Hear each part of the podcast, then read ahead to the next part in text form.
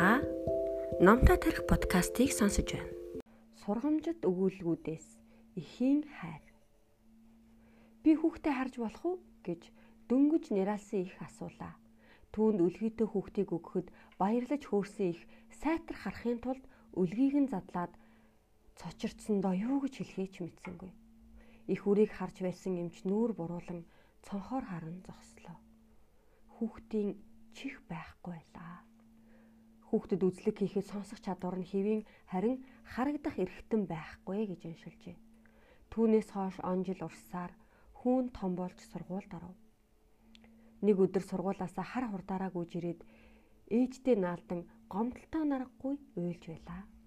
Энэ бол анх удаа гомцсон хэрэг бөгөөд нэг том хүүхэд намайг ирэмдэг гэсэн гихэн тэр.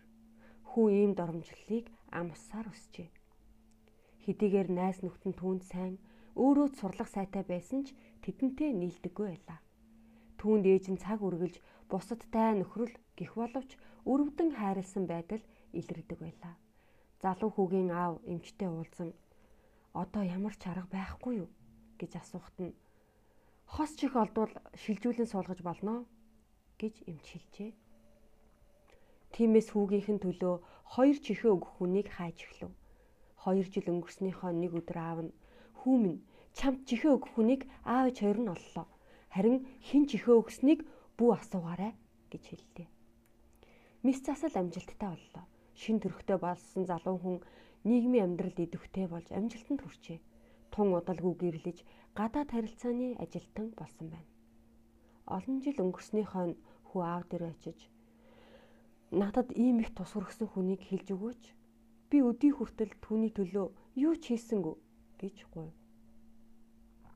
Аав нь чи тэр хүний төлөө юу ч хийж чадахгүй.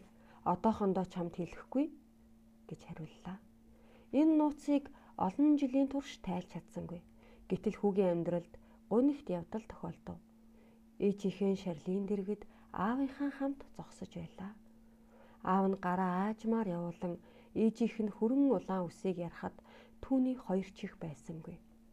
Аав нь ээж нь үсээ тариул шаардлагагүй болсон учраас баяртай байсан юм аа. Тэгээд ч түүнийг муухай гэж хэн ч хэлээгүй зү гэж аяархан шивнэлээ. Хүний амьдралд гоо үсгэлэн гэдэг гаднах төрөх байдал биш дотоод зүрх сэтгэлд байдаг юм. Та Номтой тарих подкастыг сонсож байна.